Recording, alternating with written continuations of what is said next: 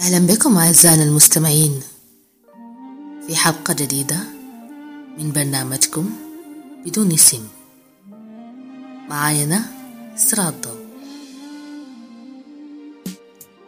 حابة أشكركم على تفاعلكم الجميل في الفيس. وتطبيق صراحة. جاتني رسائل كتيرة أصحابها عايزين زول يسمعهم بس. وأكيد حنسمعكم ونحكي قصصكم. ونجيف معاكم قلبا وقالبا. من الرسائل الشدت انتباهي بتحكي عن البعد. صاحبة بقول إنه جمعتني الأقدار بواحدة صدفة. وامتدت علاقتنا حتى تم الزواج. بعدها يمكن سنة ما تلاقينا. لظروف الغربة؟ صارت بيننا جفة ومشاكل. صالحنا لكن بدون جدوى.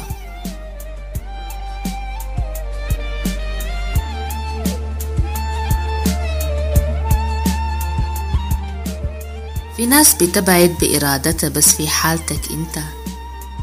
الظروف هي اللي بعدتك لكن نرجع ونقول العلاقة ما فيها أنا فيها نحنا قرب منها تاني من الأول.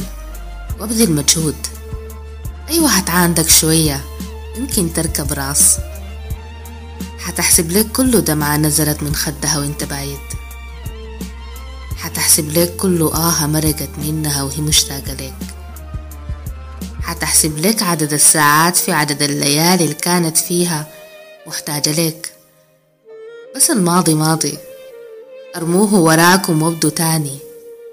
بداية جديدة صفحة جديدة. وريها إنك معاها وجنبها. بتكون خايفة تبعد منها تاني. طمنها حسسها إنه زمن البعد انتهى خلاص.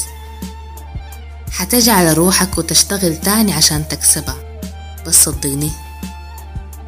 في النهاية مجهودك حيثمر.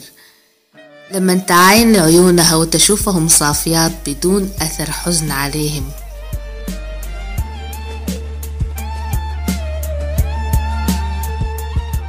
مرات بنحتاج نبعد عشان نصفى شوية لكن ما تكتروا البعد أحبابكم محتاجينكم بجنبهم وإنتم محتاجينهم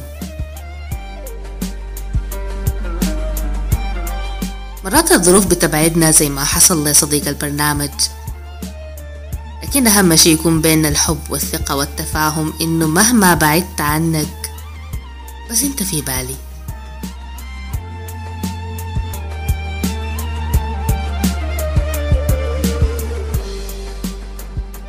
أختم الحلقة بأبيات شعرية من الشاعر الشاب محمد موسى بيقول فيها أنا تجافيت عيون الناس عشان أسكن رموش عينيك. أنا اللي أعلنت حرب الكل عشان أكسب حنان يديك أنا سافرت من دون زاد عشان أوصل ضفاف خديك. أنا الضايع عميري وراك وراحة قلبي حبا فيك. أريتك بس تكون حسيت وتعرف إني والهان بك